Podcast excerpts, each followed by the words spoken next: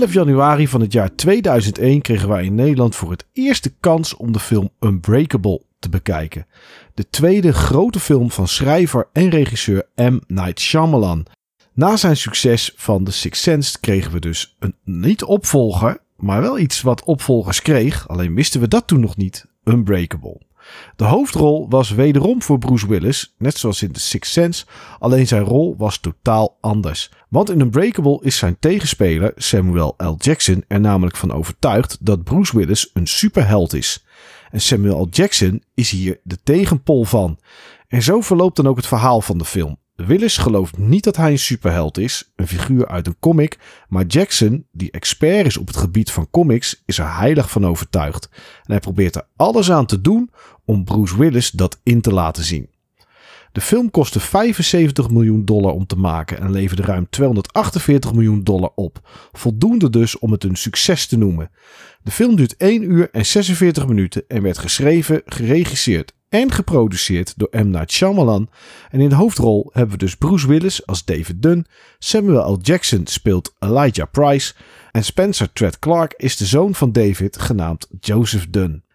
Ja, Bruce Willis die uh, overleeft in deze film als enige een treinongeluk. 131 mensen sterven, maar hij heeft geen schrammetje. En dat is de trigger voor Samuel L. Jackson om Bruce Willis te gaan ja, onderzoeken eigenlijk. Elijah is zijn tegenpol, want zijn bijnaam is Mr. Glass. Hij is geboren en alle botten in zijn lijf waren bijna gebroken. Ja, en Sven, dat is een, uh, een ziekte die bestaat. Ik heb Mhm. dat opgezocht. Ik weet Mhm. even niet meer hoe het heet. Waarschijnlijk is het toch een tongbreker. Mhm. Maar eh, ja, best wel een, een heftig iets eigenlijk. Als je geboren bent met eh, armen en benen allemaal gebroken. Ja, zeker. Ja. Ja. En als er dan ook zeg maar op zijn. Night Shyamalan allemaal zeg maar een beetje in beeld wordt gebracht, hoe dat dan allemaal gaat. Ja. Ja, dat is een extra heftig hoor.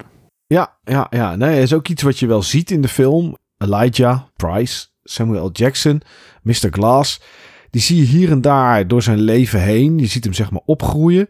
Je ziet hem een paar keer vallen. Alles breken. En ja, dan is er een moment waar hij zoveel angst krijgt eigenlijk om naar buiten te gaan. Dat zijn moeder hem gaat proberen te lokken.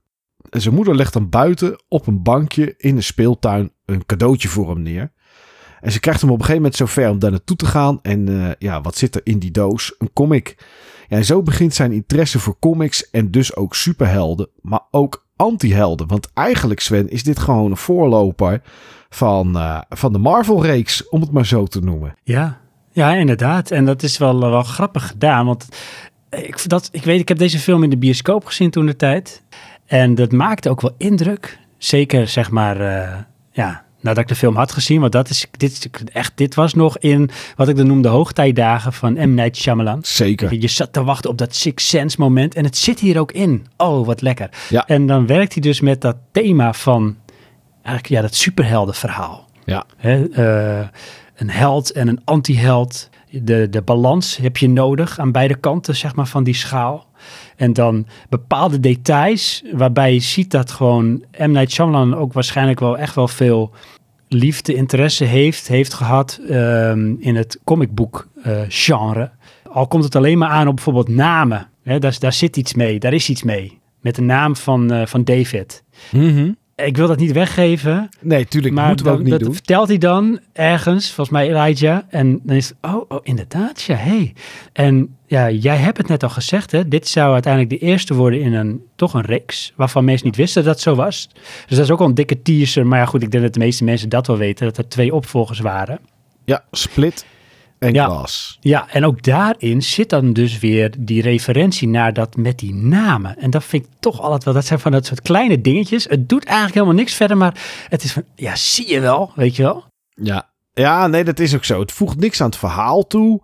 Maar als het je opvalt en je weet het, dan, en je onthoudt het ook. Als je de volgende kijkt, doet het wel iets aan de beleving van de hele Dat. trilogie. Ja, zeker. Ja, ja. Ja, ja want ehm, nou ja, dat gebeurt er inderdaad. Hè. De film die, nou, die eindigt in 2001. En daarna kreeg je in 2016 Split. Dus 15 jaar later kreeg je het tweede deel. Wat je niet direct qua personages koppelt aan het eerste deel.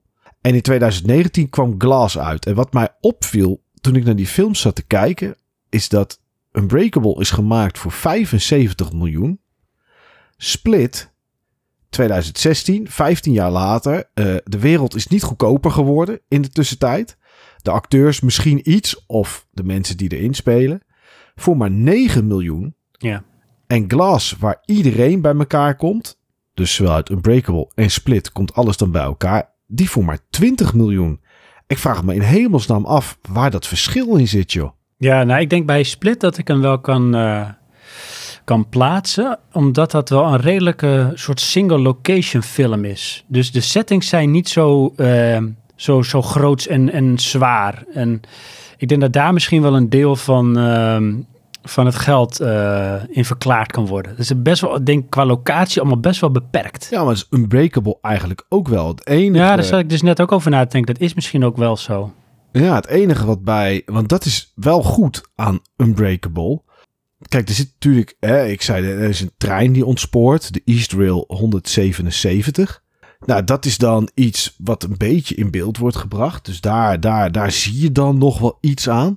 Mm -hmm. Maar voor de rest zijn het eigenlijk allemaal hele standaard locaties. Je ja. ziet het huis van Bruce Willis. Je ziet de winkel, de comicboekwinkel van Samuel L. Jackson van Elijah Price. Ja. En voor de rest zie je eigenlijk een voetbalstadion. Want Bruce Willis, die uh, had een droom ooit vroeger. Hij wilde topsporter worden, een Amerikaanse voetbalspeler. Dat is door bepaalde redenen is dat niet gelukt. Ik ga niet vertellen wat, wat het heeft met het verhaal te maken. Ja, en nu is hij een beveiliger bij een voetbalstadion, wat hij, uh, wat hij best goed doet. En waar hij toch ook, ondanks dat hij zelf er niet aan toe wil geven, een soort speciale krachten wel heeft. En meer locaties zijn er eigenlijk niet echt. Nee, nee dat dus, valt misschien ook wel mee. Misschien, ja, dan ga ik hem invullen. Is het dan toch van, uh, ja, je moet toch weer Bruce Willis en Samuel Jackson en Robin Wright. Moet jij naar deze film toe trekken? Ja.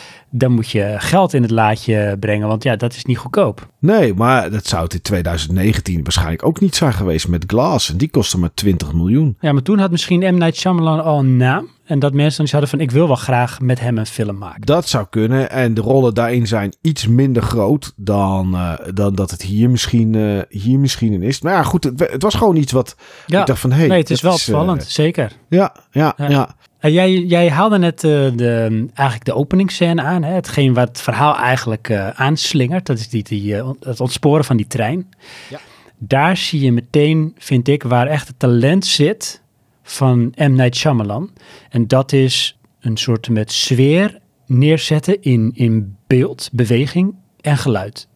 Uh, er hoeft weinig tot geen diepgaande dialoog, gesprek in plaats te vinden. Maar het is heel interessant wat met name hier de cameravoering en het geluid doet. Je ziet Bruce Willis zitten. Die heeft een gesprek met iemand die naast hem zit. En de camera die pent een beetje zo ja. beweegt van links naar rechts. En dat is... Ja, met ja, een dame. Ja, ja, en dan gaat hij langs, langs een stoel en dan zie je haar of weer en dan gaat hij weer terug en dan zie je hem weer. En ondertussen hoor je het geluid een beetje aanzwellen van de trein. Dus je voelt al dat er iets in de lucht hangt. Ja. En ondertussen ja, vindt daar best wel een grappige situatie plaats tussen hem en die dame. En toch, dat is heel subtiel eigenlijk. En dat spelen met anticipatie, noem ik maar even, daar is hij. En daar zit echt zijn kracht, vind ik. Uh, van M. Night Shyamalan, daar zit zijn talent. Ja. Dat vond ik heel sterk in deze film, die openingsscène. Ja, die openingsscène is echt heel goed. Ik had hem hier ook staan in mijn notities. Want het is net alsof jij een vierjarig jongetje bent. Die op de stoelen voor deze mensen zit. En Ja. tussen de twee stoelen doorkijkt. Zo van, oké, kijk naar links, want die mevrouw praat. Die meneer gaat praten. Dan ga ik Ja. naar rechts kijken, want nu praat die meneer. En dat is wat de camera doet. Ja. Maar dat zijn meer van dat soort dingen. Op het moment dat, ehm, dat Elijah voor het eerst een comicboek van, eh, van het bankje in de speeltuin afpakt. En die doos open doet. Dan hangt de camera erboven. En die comic die is op zijn kop voor Elijah. En hij gaat die comic draaien om te kijken wat dan precies op de cover staat. En op het moment dat hij dat boekje draait, draait ook de camera mee. Dus voor ons blijft hij voor eeuwig op de kop. ja, dat vind ik echt heerlijk, dat soort dingen. Dat Ja. vind ik echt mooi. Ja, je ziet dan wel dat het 2001 is. Want als we dat nu zouden doen, of we, wij maken geen films, maar als dat nu zou gebeuren, dan zou het waarschijnlijk iets met computer gedaan worden, waardoor het draaien van het boekje exact met dezelfde snelheid gaat als het draaien van de camera. En hier zie je dat de camera soms even iets te snel gaat en dan weer even een beetje inhoudt. Maar dat vind ik ook wel heel erg zijn charme daardoor hebben. Vind ik ook hoor. Dat is nog een beetje toch, ja, het voelt wat analoog Handwerk. Ja, Ja, precies. gewoon handwerk. Ja. Je ziet gewoon, oké, weet je, op deze manier. Ja, op deze manier is het is echt. Ja, ja. Ja, Unbreakable is echt de M. Night Shyamalan film, vind ik wel. Eh, waar zie je dat aan? Onder andere dat hij zelf ook een rol speelt. Want dat doet Ja, hij in, klopt, eh, ja. In, in, in al zijn films. En toch, je zei het net wel, hè, er zit een Sixth Sense moment in. Toch vond ik deze minder sterk dan Sixth Sense. Ja, zeker. Qua Maar twist. Ja, maar. qua- twist, ja. Want ja, het is ook heel moeilijk. Je wil natuurlijk elke film, ga je bij hem dan naast de Sixth Sense leggen. Ja. Want je wil eigenlijk, dat is eigenlijk wat je wil, van ik wil nog een keer een Sixth Sense. Want het heeft blijkbaar zoiets gedaan. Dat was zo wereldschokkend eigenlijk, om het zo maar te zeggen. Maar dat gaat natuurlijk ook niet lukken.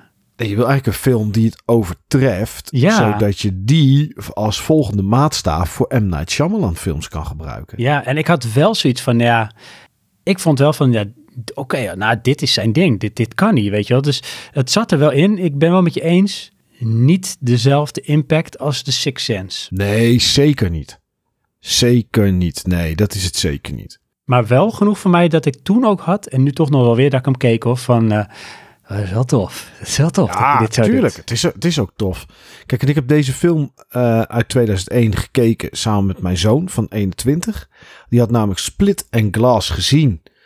En die had nooit Unbreakable gezien. Hij wist, weet ik niet zeker meer of hij nou 100% wist dat, ze, eh, dat hij erbij hoorde. En toen zei hij van, ja, ik wil Split eigenlijk nog wel een keer zien. Ik zeg, ja, ik heb Glass nog nooit gezien. Ik zeg, maar ja, dan moet je... En hij had Unbreakable nog nooit gezien. Maar ja, eh, 2001, toen was hij net geboren. Eh, nee, 11 januari was hij nog niet eens geboren. Maar hè, dat is het jaar dat hij geboren is. Dus ik zeg, ja, dan moeten we ze alle drie kijken.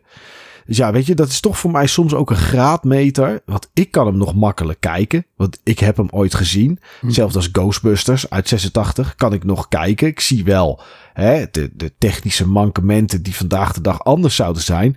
Maar omdat ik het ooit gezien heb in de tijd dat het nieuw was, kan ik het nog prima kijken. En toen dacht ik van oké, ik ben wel benieuwd hoe, eh, hoe hij dit dan beleeft. Het is geen film die leunt op special effects, dus het kan eigenlijk niet misgaan. Maar goed, er zijn door de tijd heen dingen als pacing, als acteerwerk, als schrijfwerk, die natuurlijk toch veranderd zijn. En op een gegeven moment zei hij, eh, we moesten hem even pauze zetten voor iets. Zei hij, zitten we al op een uur?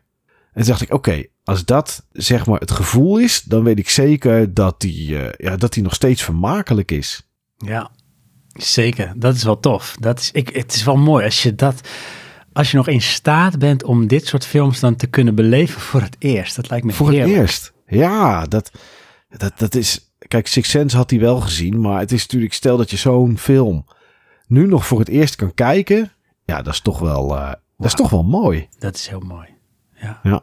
Mike, er zit één scène, nou, er zitten heel veel scènes in deze film, maar er zit één scène in de film en daar moet ik ook altijd aan denken als ik aan deze film denk. En ik vind het ook altijd weer tof, want ik ben namelijk net zo verbaasd als de zoon van David, Joseph, als het gebeurt.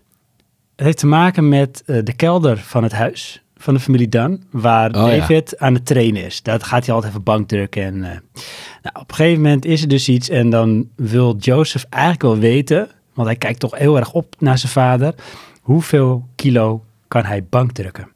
En ik ga niet te veel weggeven. Nee, dan moet je dan wel bij zeggen dat hij vooral dat op een gegeven moment Joseph, de zoon van, dat hij een aantal keer bij de gesprekken is tussen David Dunn, Bruce Willis en Samuel L. Jackson, Elijah Price. Ja. Waarbij Elijah Price ook gewoon zegt van, ja, maar ben jij, ben je ooit wel eens ziek geweest? Kan je dat herinneren? Heb je ooit wel eens een schrammetje gehad? Waardoor eigenlijk de zoon van David, Joseph, eerder denkt dat zijn vader een superheld is, dan dat hij dat zelf denkt. Ja, kijk, en dat is wel grappig, want je krijgt er iets van. Kinderen kijken altijd op naar hun ouders vaak. Naar hun ouders, hun vader. Hun vader is inderdaad ook een soort superheld, hè? onsterfelijk. En dat heeft Joseph dus ook heel sterk. Hij kijkt heel erg op tegen David. En vanuit die blik, vanuit die eigenlijk eh, naïviteit, gaat hij dan ja, een beetje misschien inderdaad beïnvloed door wat hij hoort in die gesprekken tussen Elijah en David. Van ja, mijn vader is een superheld. Gaat hij dus kijken van hoe ver kan ik gaan met dat bankdruk in dit geval, qua kilo's, om te kijken hoe sterk mijn vader is. En ik ga niet vertellen hoe die scène eindigt, maar het is best wel bizar wat er gebeurt. Ja. Goed of slecht, er gebeurt namelijk iets. En dat is dan echt, ja, zo ingegeven door het, het gezicht, blikveld van een kind. Maar ook als kijker zit je eigenlijk met diezelfde anticipatie als Joseph van, wat gaat er nu gebeuren? Is hij dan een superheld of zo? Of gaat het gruwelijk fout? Dan moet je die scène voor kijken. Maar die scène, die, moet, die associeer ik ook meteen dan met Unbreakable. Ja, ja, ja, ja, dat is wel een mooie scène inderdaad. Die, eh, die eigenlijk wel de film een beetje samenvat, denk ik. Ja, ik denk het wel. Ja. Ja. In 2001 wisten we nog niet dat Unbreakable de eerste was van een trilogie. Met daarna Split en Glass. Films die allemaal eigenlijk hetzelfde willen of willen vertellen, maar op een andere manier zich afspelen. Maar Unbreakable heeft als titel Unbreakable omdat je denkt dat het gaat over Bruce Willis, die eigenlijk een superheld is en die niet kapot kan. Maar slaat natuurlijk ook een beetje het breakable gedeelte op Elijah, op Mr. Glass. Want als er iemand snel breekt, dan is hij het. Maar als je dieper na gaat denken, zou het eigenlijk op nog wel meer kunnen slaan. Unbreakable zou ook kunnen slaan op de band tussen vader en zoon, waar Sven het net over had. Die zoon, die gelooft in die vader, die band is unbreakable. Maar ja, Bruce Willis is in de film eigenlijk een man die met zichzelf en zijn gezin struggelt. En ja, daar zit ook wel een vleugje in van Unbreakable. Want ook dat zie je in deze film. Ook zie je de struggles tussen man en vrouw, die eigenlijk gescheiden van elkaar, maar toch bij elkaar wonen, met hun zoon. En dan kom je er eigenlijk achter dat de term Unbreakable op veel meer manieren op te vatten is in deze film. Als je daar een beetje over na wil denken. Maar als je dat niet wil doen en je wil gewoon kijken naar een film van een superheld en een antiheld, dan is Unbreakable in 2023 nog steeds een prima film om te kijken.